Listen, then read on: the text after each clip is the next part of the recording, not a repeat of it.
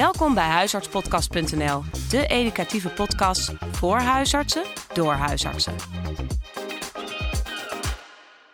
Hallo beste luisteraar, goed dat jullie weer luisteren. Uh, we gaan het vandaag weer hebben over de DSM en onnodig medicaliseren. En dan met name over het nieuwe ecosysteem. Dit noemen we deel 4.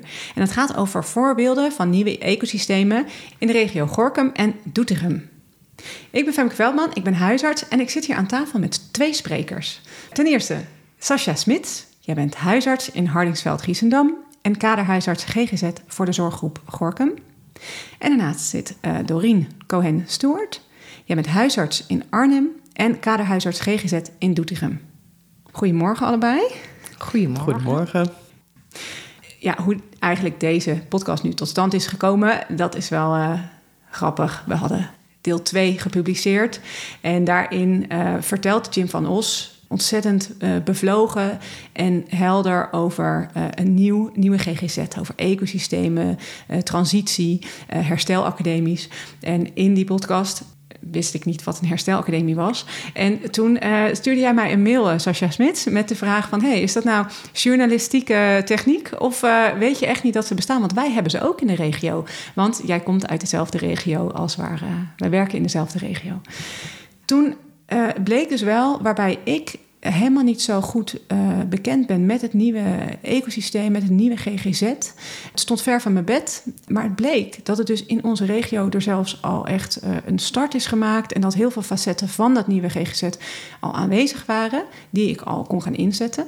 Daarbij vonden we het belangrijk dat uh, dit verhaal dus voor alle huisartsen luisterbaar is. Dat, um, ja, wat de potentie is van dit systeem. En wat we er ook in de spreekkamer mee kunnen. Dus daarom zitten we nu met z'n drieën hier aan tafel.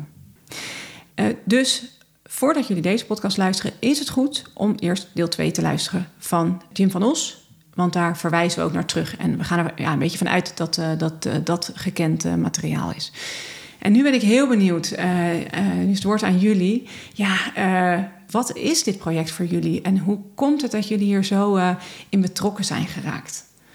Sascha, jij kan kickstarten. Ja, ik heb de, natuurlijk de kaderartsopleiding uh, gedaan. En ik heb dat gedaan omdat ik altijd al een affiniteit met GGZ heb gehad.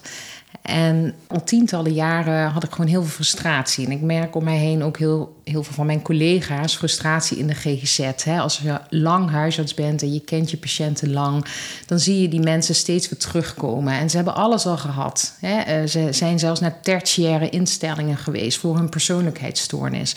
En al die mensen, ik heb mensen in mijn praktijk die weet ik hoeveel verschillende diagnoses hebben. Van uh, eerst een depressie, dan bipolair, dan een persoonlijkheidsstoornis. En ik dacht, ja, maar deze persoon zit nog steeds met precies dezelfde problemen voor me als ja. vijf jaar geleden of tien jaar geleden. Misschien herkennen jullie dat ook wel hè, als, als huisarts. En ik ageerde altijd tegen dit systeem. Ik, ik was heel kwaad op het systeem toen we over moesten dat, we, dat wij als huisartsen al een diagnose moesten bepalen om iemand überhaupt verwezen te krijgen naar de GGZ. Ik dacht zo zou het toch niet moeten werken. En al die zorgpaden, het frustreerde me enorm. En op een gegeven moment toen kreeg ik onder ogen het boek van Jim van Os. En ik ging me verdiepen. En ook in de kaderopleiding was daar heel veel aandacht voor. Voor die nieuwe ontwikkelingen binnen de nieuwe GGZ. En voor mij vielen alle puzzelstukjes in elkaar. En ik dacht, nou, dit is het gewoon. Dit is eigenlijk hoe, hoe het voor mij altijd al voelt. Waar ik stiekem misschien al vanuit nature een beetje mee bezig was met mijn patiënten. Alleen ik had het systeem eromheen niet met me mee. Dus ik kon dat doen in mijn spreekkamer. Maar daarna buiten hield het eigenlijk een beetje op. En wat was daar dan anders aan in dat boek dan de huidige geneeskunde? Nou, het eigenlijk het, voor, het vooral het loslaten van die diagnostiek. En het medicaliseren. Hm. En gewoon weer eens teruggaan van wat hoort nou eigenlijk gewoon bij het leven? Wat hm. hoort nou bij mens zijn? Wat is neurodiversiteit? Um, waarom moeten overal etiketten opgeplakt worden? En kunnen mensen niet op een hele andere manier geholpen worden dan een etiket te krijgen en daar een pilletje of een specifieke behandeling voor? Ja, neurodiversiteit. Mooi woord. Mensen zijn allemaal anders. Ja. Ja. ja. En jij, Doreen? Um, ja, ik was eigenlijk kaderhuisarts al een tijdje in Doetinchem. En ik was lekker bezig met het proberen te verbeteren van de GGZ daar. Um, maar dat werkt natuurlijk niet zo heel snel, want dat is nogal een probleem. En um, op een gegeven moment bleek dat in onze regio GGNet, de, hoogste, de grootste GGZ-aanbieder, eigenlijk vanuit het JAM-project landelijk was aangewezen als pilotregio. En toen werd aan ons gevraagd of we vanuit de huisartsenzorg mee willen doen, want dat is natuurlijk niet iets wat de GGZ-instelling alleen kan. En ik was nog heel lekker druk, maar na een tijdje dacht ik: Oh, dit is echt iets wat we natuurlijk heel erg moeten doen. Dus toen heb ik de rest een beetje laten vallen en ben daarmee begonnen. En het mooie van het project daar is dat we het echt samen doen, omdat het GG-net, dus de, de, de GGZ-aanbieder, samen met het sociaal domein en de gemeente en de verslavingszorg en een soort herstelacademie-achtige setting die daar al is, samen dat project zijn gestart.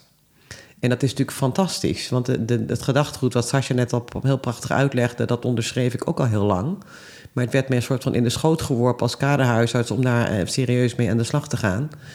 Ja, dat is heel erg mooi. En ik ben uh, zelf trekker geworden van het, uh, het, uh, een van de onderdelen van het ecosysteem. Dus het, her, het herstelondersteunende gesprek, zoals ze dat nu in Doetinchem noemen. Maar noem het verkennend gesprek, noem het herstelondersteunende, maakt niet uit. het is een ander gesprek dan wat we eerder voerden.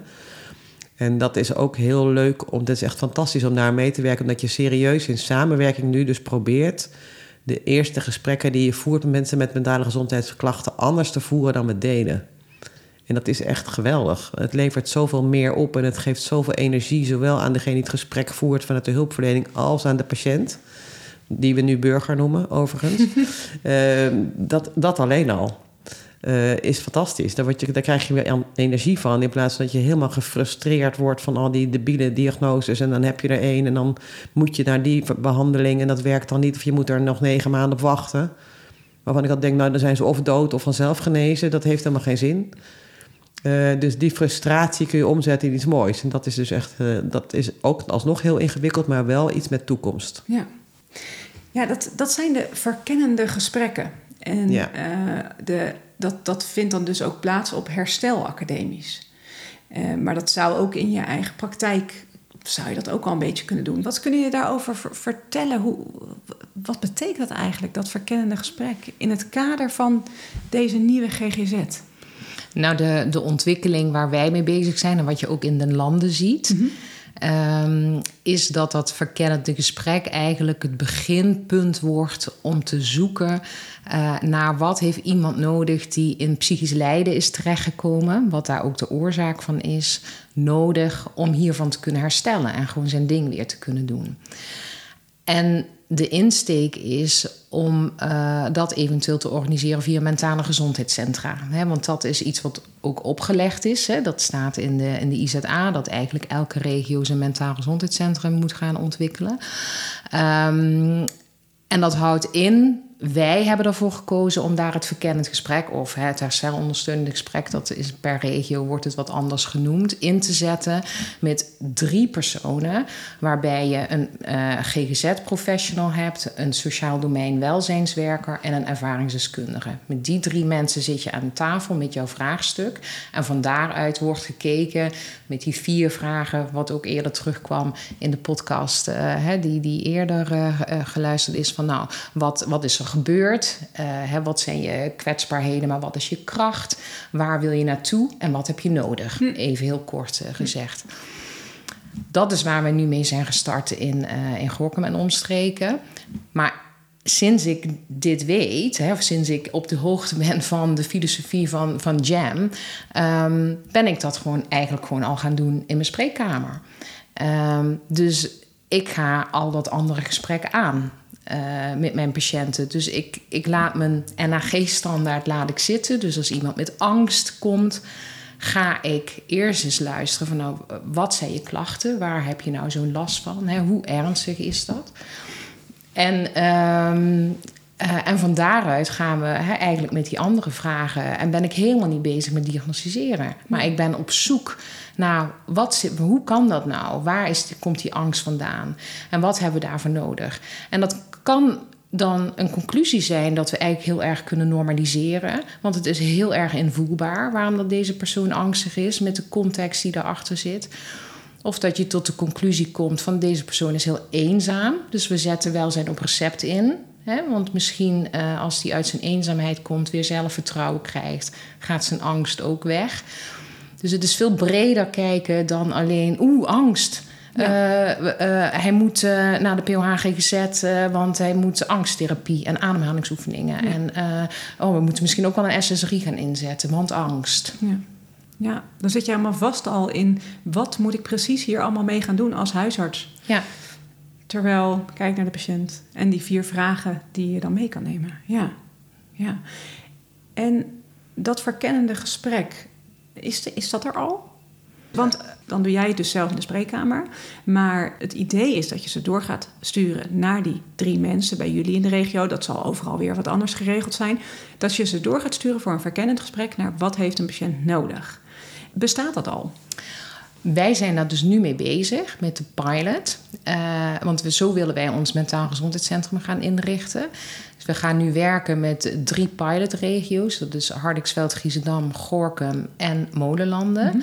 En vanaf 1 januari willen wij starten uh, wijkgericht hè, of dorpsgericht dat uh, de burger laagdrempelig terecht kan uh, bij zo'n verkennend gesprek.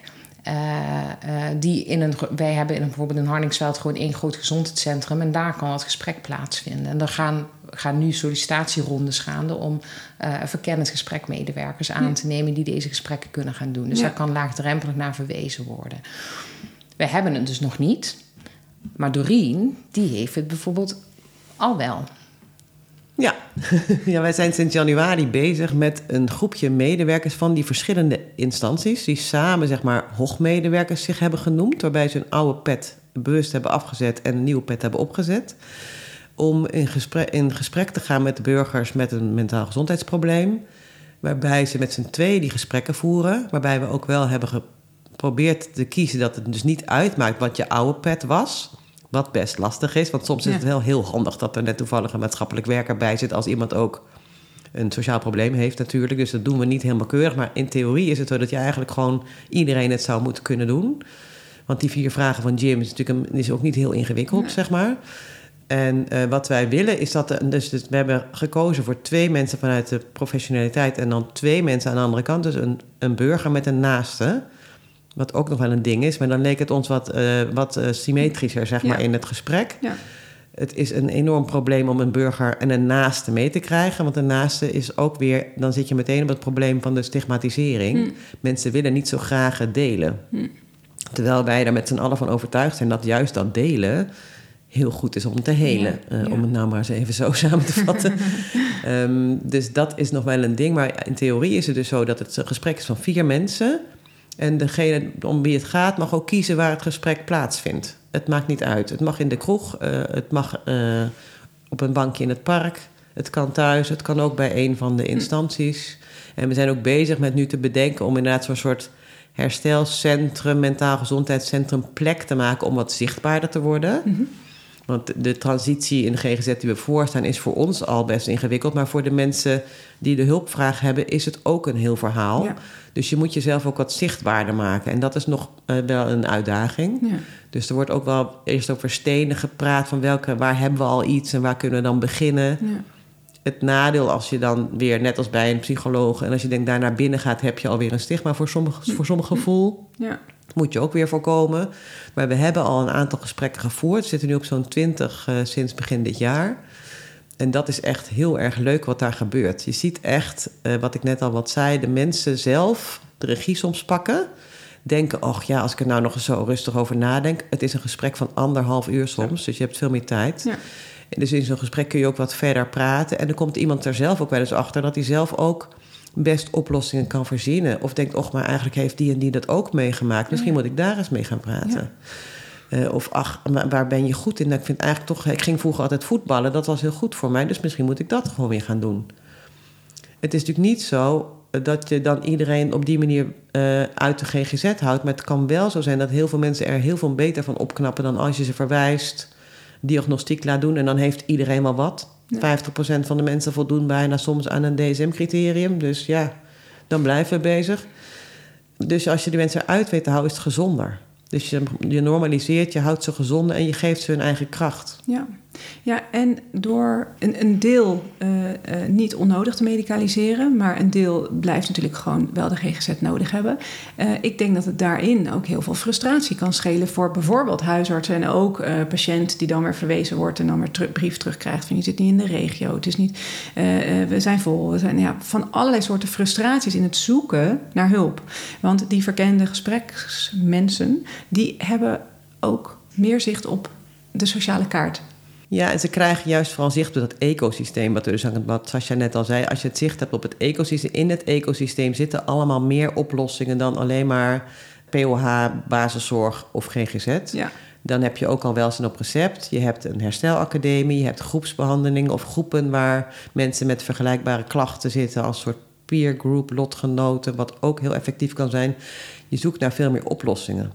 En dat is als huisarts, als je bedenkt dat dat bij jou in de buurt, uh, waar je het net ook al een beetje over had, gewoon ook al er is.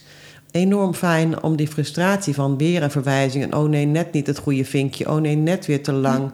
Oh nee, net weer toch een LVB. Om dat te voorkomen, maar gewoon in de buurt te kijken wat er al is. Ja, ja, want er is dus ook al behoorlijk wat aan herstelacademies. Jim van Os had het over 100 uh, eh, stuks. En um, uh, nou ja, jij had ook eentje van in onze regio, Sascha, peer-to-peer point. Peerpoint. Peerpoint. En uh, toen bleek in mijn eigen dorp zelfs een, een, een soort van een kleine herstelstukje te zitten. Ik weet niet in hoeverre het dan al een academie genoemd mag worden.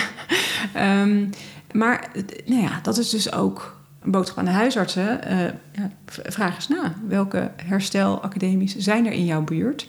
En als dat verkende gesprek eenmaal in de landen uh, of veel meer wijdverspreid gebruikt gaat worden, dan kan die huisarts dus ook echt verwijzen naar dat verkennende gesprek. En dan moet ik het dan zo zien dat hij dat, dat, dat verkennende gesprek dus dat stukje overneemt van zoektocht waar een patiënt heen moet. Het is nog niet eens echt een zoektocht. Het mooie is dat uh, Philippe Dellespal, de psycholoog die betrokken is uh, bij uh, GEM, die zegt ook altijd: wat is de moeite waard om te proberen? Mm -hmm. Dat vond ik zo'n mooie zin, want het maakt misschien niet zoveel uit wat je gaat proberen. Als je, maar iets, als je maar bezig bent met te kijken wat er voor jou goed is. Want daar leer je dan ook weer wat van als het blijkt dat het niet goed is. Heb je denkt, nou, dit is dus niet iets voor mij, wat wil ik dan wel? Ja. En dat is heel anders dan als je op een bus staat te wachten die misschien morgen komt. Uh, als je onderweg naar de volgende halte alweer een leuk iemand tegenkomt, hoef je die bus helemaal niet meer te pakken. Dat is echt, dat is zo cool. Ik denk, maar dat is, daar word ik zelf heel gelukkig van. Je hebt gewoon veel meer opties dan alleen maar mensen op een wachtlijst te zetten. Ja. waar ze altijd slechter van worden.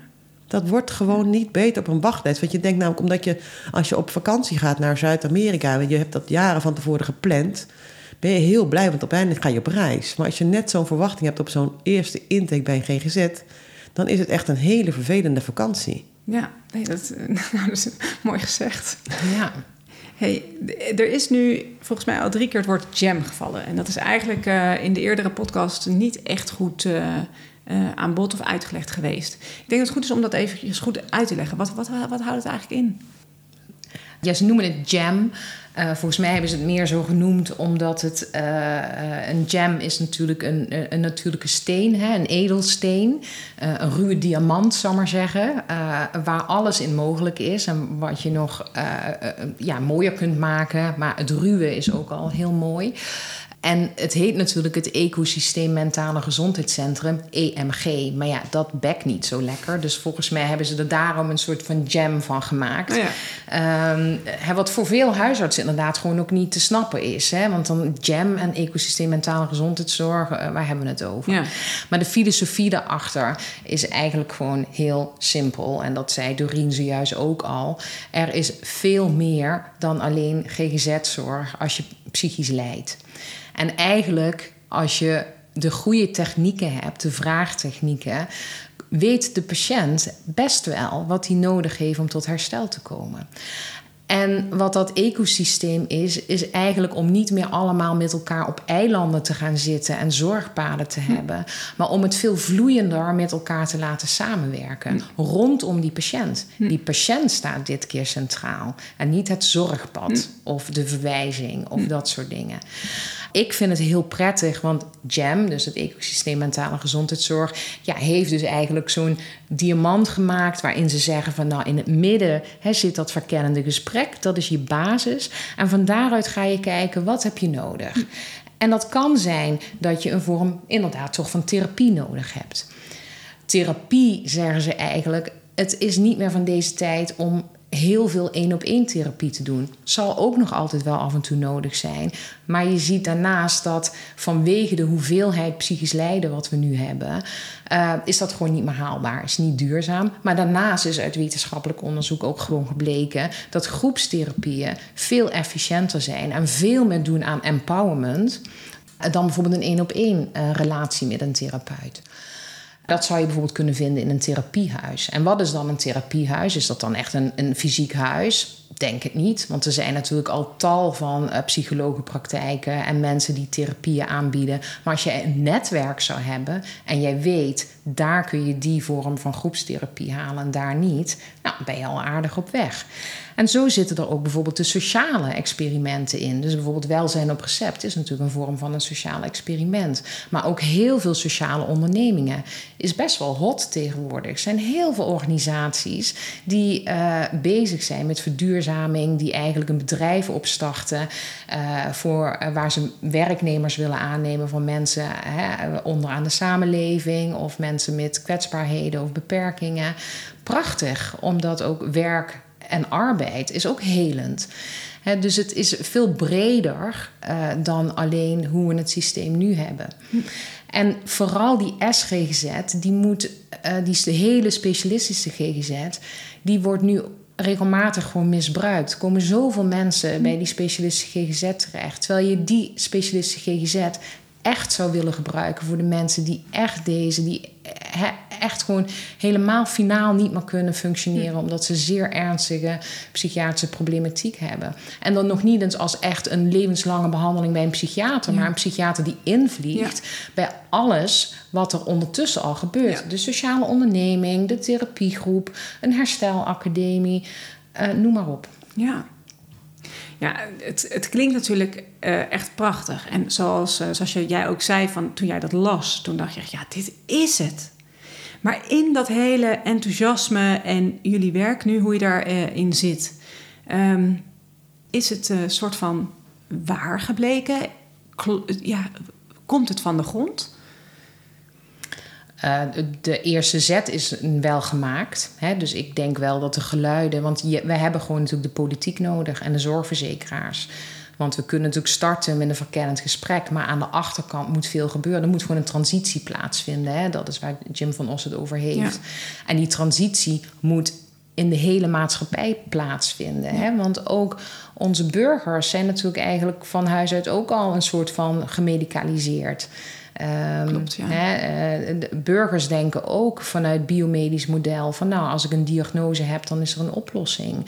En ik zit zo vast. Uh, um, hoeveel psychologen en coachingspraktijken zijn er wel niet? Als je een blaadje openslaat van de Linda, die libellen of weet ik veel wat, hoeveel bekende Nederlanders zeggen niet, iedereen zou zijn eigen psycholoog moeten hebben als ik tien jaar geleden aan een patiënt zeg van... nou, misschien is het goed naar, je naar een psycholoog gaat... werd tegen mij gezegd, nee dokter, echt niet, ik ben niet gek. Terwijl nu komen mensen ja. gewoon op mijn spreekuur... ik wil nu naar de psycholoog, ja. want ik loop vast. Ja. Uh, dus daar, er valt heel veel werk te doen. Heel veel werk te doen. En stel nou dat dit, uh, dat dit proces, dat dit systeem echt uh, komt te staan... Zal het dan alleen maar positief zijn? Of zitten hier ook dingen aan van... oeh, nou dat stukje uh, dat, dat moeten we nog oplossen of zo? Ja, dat is een goede vraag. Zover zijn we ook nog niet. Maar je ziet nu in de loop ernaartoe al wel dat je een enorme hiccups krijgt. Omdat je uit het oude systeem nog zit en naar het nieuwe systeem moet gaan. Ja. En het oude systeem natuurlijk heel vast zit in iedereen. Wat Sascha net al heel mooi zegt, zowel bij ons, maar ook bij de mensen om wie het gaat. En daar zit echt een enorm probleem. Als dit zo zou kunnen tot stand kunnen komen, dan zover kan ik eigenlijk nog niet eens kijken. Nee. Want zover zijn we nog niet. Maar als het zo is dat mensen weer zelf bedenken dat ze ook zelf macht hebben over dit probleem en zelf regie kunnen voeren, ja. en als de professionals dat gaan toestaan. Hm. Want dat is ook nog wel een probleem. Ja. Zeker in de GGZ. Dat, denk, wij zijn daar als huisarts, is dat iets makkelijker voor ons, ja. denk ik. Maar die professionals hebben natuurlijk ook wel een slag te maken met hun eigen ego, beeld, zelfbeeld. Denk ik serieus dat, dat zij niet de oplossing zijn voor de mensen met mentale problematiek. En dat is ook heel lastig. Dus daar zit heel veel te halen. Dus ik weet nog niet zo ver. Als je denkt, is het zover nou tien jaar misschien? Uh, voordat je echt het zover hebt. Maar dan, je, wat als je net zei, tien jaar geleden ging niemand naar de psycholoog. Nu zegt iedereen, ach, ik heb een beetje ADHD. Och, die is een beetje autistisch. Dat is heel normaal taalgebruik tegenwoordig. Hè? Ja. En dat was natuurlijk helemaal niet zo. Dus eigenlijk moet het weer terug. Die is wel een beetje autistisch, maar dus is het prima. Weet je, dat een beetje autistisch is, dat zal best. Maar dan heb je geen DSM-verhaal. Je hebt iemand die een beetje autistisch is. Iedereen en die functioneert prima. Ja. Of die heeft daar soms een beetje hulp bij nodig. Dat is, als we die kant op gaan, dan is het een mooie verloop van wat we nu aan het doen zijn. Want het is natuurlijk ook wel heel triest dat vroeger mensen het niet eens durfden te zeggen. Dus we, hebben wel, we gaan wel de goede kant op, maar we moeten dat niet medicaliseren. Ja. En dan heb ik echt wel hoop. En ik, ik denk ook als ik soms me de moed in de schoenen zakt omdat het helemaal niet lukt en we denken, oh, dit is niet te doen, want het is heel veel. denk ik, ja, er is geen andere optie. We moeten door, want terug kan niet en zo nu als nu kan ook niet. Nee. Dus je kan niet anders dan maar moedig voortgaan, zeg ik altijd maar als we weer eventjes het lastig hebben. Want we kunnen geen kant meer op. De GGZ is shocking ziek en zelf uh, in de problemen. Ja. En zoals een van de ervaringsdeskundigen in Doetinchem zegt... de GGZ moet zelf in herstel. ik denk dat hij helemaal gelijk heeft. Ja, ja. ja. Hey, in uh, in uh, dit proces naar het implementeren hiervan... wat, uh, wat zullen de uitdagingen zijn? Um, uitdagingen zijn natuurlijk vooral dat je echt gaat samenwerken. Um, en dat is ook nieuw. Uh, wat we natuurlijk vaak gezien hebben in het verleden is dat er bijvoorbeeld een opdracht kwam vanuit de regering en die opdracht werd uh, bij een GGZ-instelling neergelegd. En ook al werd er gezegd door de regering je moet gaan samenwerken. GGZ ging dan achter zijn deuren bedenken van nou, we krijgen een opdracht, die gaan we dan zo uitvoeren. En dan werd teruggegaan naar wat huisartsen van nou, we hebben, we hebben dit bedacht, ben je het ermee eens? Uh, dan zeiden heel wat huisartsen die ja, dan misschien niet zo mee bezig waren of dachten, nou dat klinkt wel goed, oké. En dan was er samenwerking. Maar dat is natuurlijk geen samenwerking. dus de uitdaging is, hoe kom je echt tot samenwerking? En ik zie dat stiekem ook wel een beetje gebeuren met het ontwikkelen van die mentaal gezondheidscentra. Het leek erop dat dit ook zo zou gaan gebeuren in onze regio. dus ondanks dat wij hele goede samenwerking hadden opgestart, pril. Het was een prille liefde, zal maar zeggen, tussen de huisartsen en de GGZ. kreeg ik opeens via mijn collega-huisartsen te horen dat zij benaderd waren door de GGZ-instelling om even zomaar een, een MGC te starten, een mentaal gezondheidscentrum te starten in Gorkum, zonder dat wij daar als vakcommissie GGZ hm. bij betrokken waren. En dit voelde een beetje, aha, ze zijn op zoek naar hm. vinkjes, want hm. dan hebben we samengewerkt en wij gaan ons idee doorvoeren. En zij wilden een mentaal gezondheidscentrum à la opstarten, waar wij het gewoon helemaal niet mee eens waren. Dus toen hebben we daar een stokje voor gestoken en zijn we met elkaar in gesprek gegaan. En nu hebben we die samenwerking. En nu gebeurt er gewoon iets heel moois. En zitten we met het sociaal domein en met heel veel verschillende soorten GGZ-instellingen rondom de tafel. En maken wij nu samen dit mentaal gezondheidscentrum echt met elkaar. Dus dat is een hele grote uitdaging. En ik wil ook echt huisartsen. Ehm, ja, hiervoor waarschuwen of als tip geven. Ga na in je regio. Hoe wordt bij jullie dat mentaal gezondheidscentrum vormgegeven? Neemt de GGZ volledig de regie hierin? Of ben jij als huisarts ook betrokken? Want we moeten gewoon betrokken worden. Maar hoe doet een huisarts dat? Nou, veel regio's hebben natuurlijk hun zorggroepen.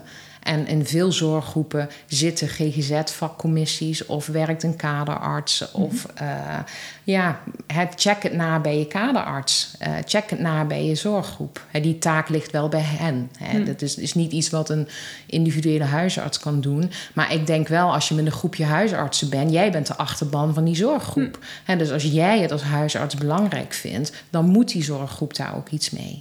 Ja, goeie. Dus samenwerking, dat is een uitdaging. En ja, uiteraard uh, financiële stroming en zo, daar gaan we het verder niet over hebben. Maar dat is ook een uh, enorme uitdaging. Daar gaan we overigens wel, zijn we in gesprek met VGZ als zorgverzekeraar... om ook in een podcast hier het over te hebben. Dus hopelijk wordt dat deel 5. Dat wordt vervolgd. Uh, Maar buiten deze uitdagingen, wat, uh, wat nog meer? Ja, het is, het, is, het is wel mooi dat wij nu een leuk idee hebben over hoe we het kunnen verbeteren. Uh, maar de GGZ is door heel veel huisartsen wel um, een beetje naar de POH-GGZ verwezen. Wat ik ook wel snap, want dat is heel erg veel. En een beetje minder des huisartsen geworden. En ik denk als je hier, doordat je dit zo op deze manier gaat kijken, de lol weer een beetje terugkrijgt. Dat het veel meer in de huisartsen patiëntcontact ook weer meer kan terugkomen. Want het is gewoon heel erg leuk en het komt de hele tijd voor. Als je erop let, is bijna bij de helft van de mensen zit er ook onder buikpijnklachten. We weten het natuurlijk allemaal best. Ja. Dat er onder al die pijnklachten heel vaak uh, allerlei uh, mentale problemen zitten. Ja. En dan kun je denken, ja, dat is me te veel en dat is niet mijn werk of daar heb ik even geen zin in. Ja. Maar misschien krijg je weer een beetje zin uh, als je het op deze manier aanpakt. Omdat je ook dan niet zozeer kijkt naar wat er allemaal mis is, maar naar wat er wel kan. En dan word je ook blijer van als, als hulpverlener, zeg maar. En dat is ook wat we zien bij die hooggesprekken. Dat de mensen die normaal GGZ-gesprekken voeren in de tweede lijn heel blij werden, want ze konden veel meer achteroverleunen. Mensen bleken veel meer zelf aan te gaan op wat hun eigen ideeën waren over wat kon. En die kregen nu ook voor het eerst de ruimte om dat te vertellen. Want dat krijgen ze niet als ze een intake hebben in de GGZ. Ja. dat is niet gemeen bedoeld, maar dat is gewoon een feit. Want die hebben zoveel vinkjes die ze moeten aflopen... dat ze geen tijd hebben om aan de mensen te vragen... wat ze nou zelf eigenlijk willen. En als je dat vraagt, krijg je echt de meest fantastische antwoorden. En dan heb je als, dat, is, dat vinden we als huisarts heel leuk. En daar zijn we ook heel goed in. Dus doe gewoon een beetje je eigen dingen. Ga niet denken dat je vinkjes moet aflopen. Leg die standaarden dan maar aan de kant. Ik denk dat dat heel goed is om gewoon lekker je eigen ding te doen. En eens even vragen, net als dat je met mensen vraagt... hoe gaat het eigenlijk met je? Wat kan, waar denk jij dat de oplossing ligt? Waar word je blij van? Ja. En als je nu een depressie hebt en je weet nu niet waar je blij van wordt... waar werd je vroeger blij van toen je die depressie nog niet had? Ja en dan zie je, ik heb het echt zo vaak gezien, dan zie je mensen opeens van dat hele doffige, vermoeide of veranderen rechtop gaan zitten en hun ogen gaan weer aan. Het is oh fantastisch. Ik, kan, ja, ik kan het niet. Het is echt fantastisch. Als je dat doet, je wordt er gewoon heel blij van. Ja. Ja, dus het is eigenlijk een uitdaging om de huisarts dat weer te laten realiseren. Hè? GGZ is ook huisartszorg. Uh, maar het, het, heeft ook een, eh, het, is, het is een uitdaging met een enorme potentie. Ja. Uh, op verbetering, minder frustratie, meer uh, bij de patiënt staan. Ja. Ja. ja, en een beetje controle weer hebben over die GGZ. Want ik denk dat de huisartsen helemaal uh, daar, bij het idee alleen al van iemand met mentale problemen denken: oh, daar ga ik weer en waar moet ik ermee naartoe? En ik kan er toch niks mee, want ze staan weer een jaar op de wachtlijst en mijn POH heeft het ook al zo druk en ik krijg er zelf bijna een burn-out van. Al dat soort ellende kun je wat, als je anders gaat kijken, wel veranderen. En aan ons als kaderhuisarts is, natuurlijk, is het natuurlijk de leuke uitdaging om dat aan onze collega's op deze manier duidelijk te maken. Ja. Dus daar maak ik nou misbruik van deze podcast. Maar ik denk, het is heel fijn als we daarmee de mensen kunnen bereiken en dat ze weer wat energie krijgen. Ja. Ik moet zeggen, toen als ik. We hebben in Doetinchem nu een folder gemaakt over die hooggesprekken, ook voor professionals. En ik liet dat van de week lezen aan een collega en die zei: Oh, dit is echt wel een heel goed idee. Dus het, het kan wel, weet je, je krijgt ze wel je kent ze wel weer aankrijgen. Ik hm. ben ook overtuigd dat mensen dat best kunnen, maar dat we daar met z'n allen in zijn verzand. Hm. En de meeste huisartsen verlangen hier ook naar. Hè? Ik heb een uitgebreide nascholing gegeven over deze nieuwe ontwikkelingen.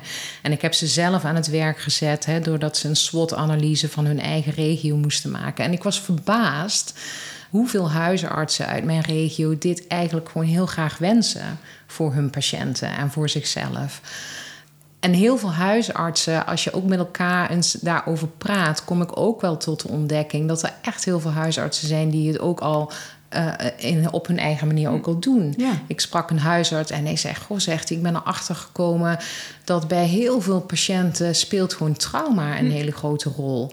En hij zegt: Ik ben veel laagdrempelig gaan vragen, ook als ik echt kamp met fysieke klachten waar ik niet achter kom, om toch eens te vragen. Hij zegt: Dat leid ik wel goed in. Wat was nou je meest schokkende ervaring? Of wat is je meest schokkende gebeurtenis geweest in je leven?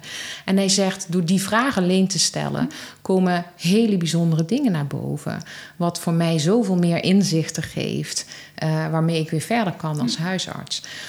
Wij in, uh, in Gorkum en omstreken hebben uh, de mogelijkheid geboden om praktijken de uh, cursus, een best een intensieve cursus van vier volle dagen, met je hele praktijk oplossingsgericht werken te doen. Dat is een hele andere manier van vragen stellen aan je patiënten. Dus er zijn ook hele mooie tools die je heel makkelijk kunt aanleren als huisarts om het andere gesprek aan te gaan. Wat heel leuk is. Ja. Ja, wat heel leuk is en een beetje eng. Ja. Want het is wel een, een pad buiten de gebaande paden, waarbij je toch een beetje het stemmetje hebt van ik moet hier een diagnose aan plakken. Uh, ik, ik, ik, hier moet verder wat mee. Die moet niet bij mij alleen blijven, uh, die moet naar de GGZ. Een soort van verplicht gevoel van iemand moet in zorg. Maar ja, als ik dit zo hoor allemaal, dan, uh, dan valt die, dat verplichte gevoel valt eigenlijk een beetje weg. En dat, dat, dat, dat geeft ook weer minder frustratie. En veel meer regie bij de patiënt. Want dat geeft natuurlijk, kijk, als huisarts krijg je heel vaak het gevoel: oh, iemand legt zijn probleem hier bij jou. Ja. Wat kan ik hiermee? Maar als het je lukt om weer de tools te hebben om regie bij de patiënt te leggen, dat is een win-win situatie. Ja, prachtig. Ja. Nou, dames, ik, ik vond het heel mooi om jullie verhalen te horen over een nieuwe GGZ en hoe dat in jullie regio al gaat met zijn uitdagingen. We komen zo een beetje aan het einde van de podcast. Uh, ik ben heel benieuwd wat jullie de luisterende huisarts nog mee zouden willen geven. Nou, ik zou heel graag mee willen geven aan de huisarts. Denk bij psychisch lijden absoluut aan het sociaal domein of aan welzijn. Uh, welzijnsorganisaties in jouw regio. Er zit, de, het sociaal domein zit gewoon bij je om de hoek, in je wijk, in je dorp. Uh, er zijn sociale teams, ze zijn er gewoon. En we hebben heel vaak de neiging om bij psychisch lijden gewoon vooral in die GGZ te blijven denken. Maar bij psychisch lijden spelen gewoon sociale problemen. Vrijwel altijd. En het sociaal team of een welzijnswerker kan daar gewoon wat mee. En om daar in ieder geval al mee te gaan starten. Vaak zijn die wachttijden daar vele malen korter hm. dan je GGZ-verwijzing. Weet je, denk daar ook aan. betrek heel laagdrempelig uh, je sociale domein in je regio, in je dorp, in je wijk. Ja, ik zou ook niet zomaar uh, als iemand met een depressie of een angst die ik zou willen doorsturen. Uh, dat doe ik niet vaak, dat ik ook een sociaal domein betrek. Nee, maar denk eens aan hè, de behandeling. Zelfs, het staat zelfs in je NAG-standaard. Wat is de essentie van uh, depressie? Is dat je weer dagstructuur krijgt. Maar dat kunnen die mensen niet. Ja. Zet er dan een welzijnswerker ja. op of een coach vanuit het sociaal domein die kan begeleiden ja. in dagstructuur. Ja, ja. Mooie, mooie tip. En jij, Doreen? Ja, ik hoop dat huisartsen echt zin krijgen om weer gesprek aan te gaan met mensen met mentale gezondheidsklachten. Want je wordt daar echt veel blijer van als je dat op een andere manier doet. Als je gewoon vraagt naar wat er wel goed gaat naast alle ellende die ze meemaken, komt er altijd iets uit waar je ook weer wat mee kan. Zonder dat je pillen hoeft te geven of een eindeloze wachtlijst moet gaan uh, organiseren of de POAGGZ altijd moet inzetten. Je kan veel meer dan je denkt. Probeer het gewoon en je komt echt een heel eind. Ja, en niet alleen maar in ons hoofd standaarden, wachtlijsten, verwijzingen, wie, wat, waarheen, welke therapie. Maar uh, begin eens bij die vier vragen. Ja. ja. En luister dan gewoon een tijdje. En dan komt er vaak heel veel uit. Nou, dames, heel veel dank. Dit was een podcast over de DSM, onnodig medicaliseren, het ecosysteem en dan met name twee voorbeelden uh, in Nederland, in de regio Gorkum en Doetinchem. Ik heb gesproken met Sascha Smits en Doreen Cohen-Stewart en ik ben Femke Veldman. Nou, tot de volgende podcast, luisteraars. En hopelijk gaat dat om deel 5 met uh, de zorgverzekeraar. Dames, dankjewel. Jij dank. Ja, dank voor de uitnodiging. Bedankt voor het luisteren. Bekijk ook onze website op huisartspodcast.nl. Voor vragen of suggesties kun je mailen naar huisartspodcast.gmail.com. Tot de volgende keer.